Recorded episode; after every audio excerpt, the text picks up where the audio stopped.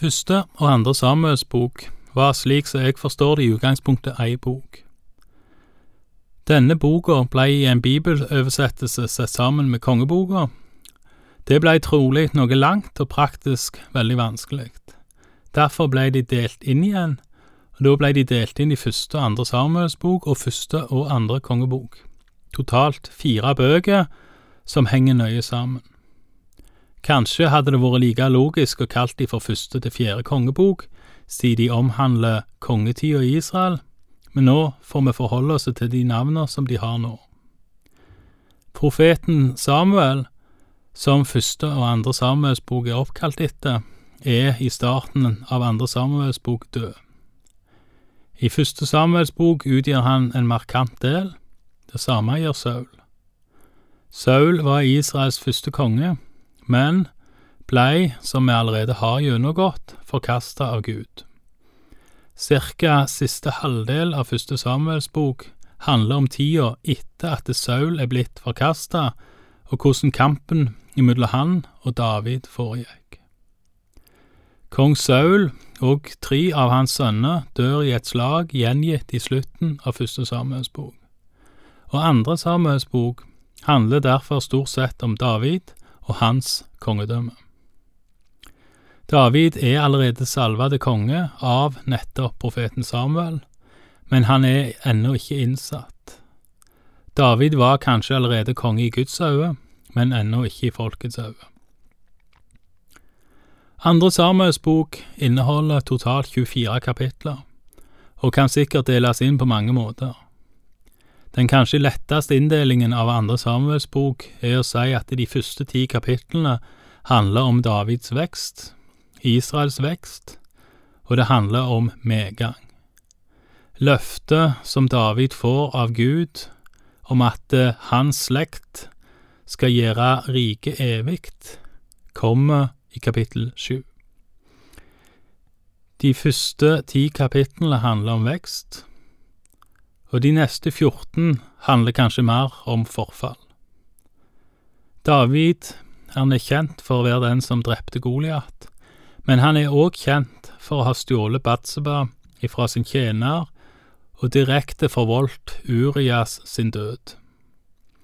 To synder som får omfattende konsekvenser i mange, manges liv.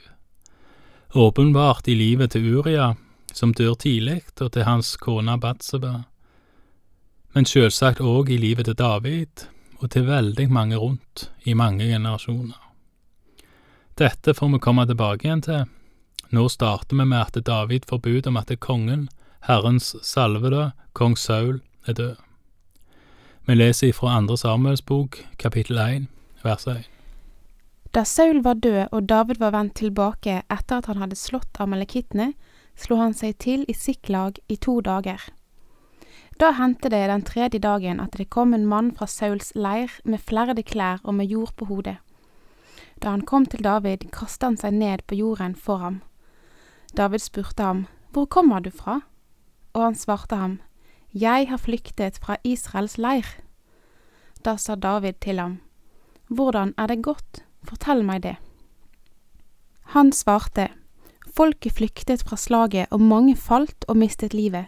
Saul og hans sønn Jonathan er også døde. Da sa David til den gutten som kom og fortalte ham dette, Hvordan vet du at Saul og hans sønn Jonathan er død? Gutten som kom med meldingen, svarte, Det falt seg slik at jeg kom opp på Gilboafjellet, og der sto Saul og støttet seg på spydet sitt, mens vognene og hestfolket satte hardt inn mot ham. Han snudde seg, og da han fikk se meg, ropte han på meg. Jeg svarte, her er jeg. Og så spurte han, Hvem er du? Jeg svarte, Jeg er en amalekitt. Da sa han til meg, Kom hit til meg og drep meg, for dødskrampen har grepet meg, men det er ennå liv i meg. Så jeg gikk bort til ham og drepte ham, for jeg visste at han ikke ville overleve sitt fall. Jeg tok kongesmykket som han hadde på hodet og ringen han bar på armen, og tok dem med hit til min herre. De som har hørt gjennomgangen av første Samuels bok og beretningen om Sauls død der, vil huske at denne historien som fortelles her, avviker noe ifra den historien som står i første Samuelsbok og første Krønikebok, kapittel ti. Men det fremkommer òg i den historien vi nettopp leste, at Saul var dødelig såra, og at dødskramper var i gang. Det som vel må være heilt sikkert, er at denne amalekitten etter Sauls død tok kongesmykket og ringen. Hadde han ikke hatt disse tinga med seg til David, så hadde det sannsynligvis stått å lese i teksten. Og hele historien bygger på en måte opp om de tinga som vi allerede har hørt. Og som vi snart skal høre, så virker det som at David tror at det er kongens drapsmann han har før seg. Vi leser videre fra vers 11. Da tok David og flerret klærne sine. Det samme gjorde alle de menn som var hos ham. De klaget og gråt og fastet helt til om kvelden over Saul og hans sønn Jonathan, og over Herrens folk og over Israels hus, fordi de var falt for sverdet. Så spurte David gutten som var kommet med meldingen, Hvor er du fra? Og han svarte, Jeg er sønn av en amalekitt som har flyttet inn her. Da sa David til ham, Hvordan kunne du driste deg til å legge hånd på Herrens salvede og drepe ham? Og David kalte på en av mennene sine og sa, Kom hit og hogg ham ned. Og han slo ham i hæl. Men David sa til ham, Ditt blod kommer over ditt hode, for din egen munn har vitnet mot deg da du sa, Jeg har drept Herrens salvede. Det kan virke som at denne unge amalekitten hadde en helt annen tanke og plan enn det som skjer her. Han har sikkert hørt at Saul har jagt David i mange år, og det visste mange, og Israels fiender visste det. David gikk jo nesten til krig mot Saul på filisternes side, så dette var nok allmennkjent. Denne unge mannen trodde nok at det vanka heder og ære for å ha drept kongen, Davids fiende.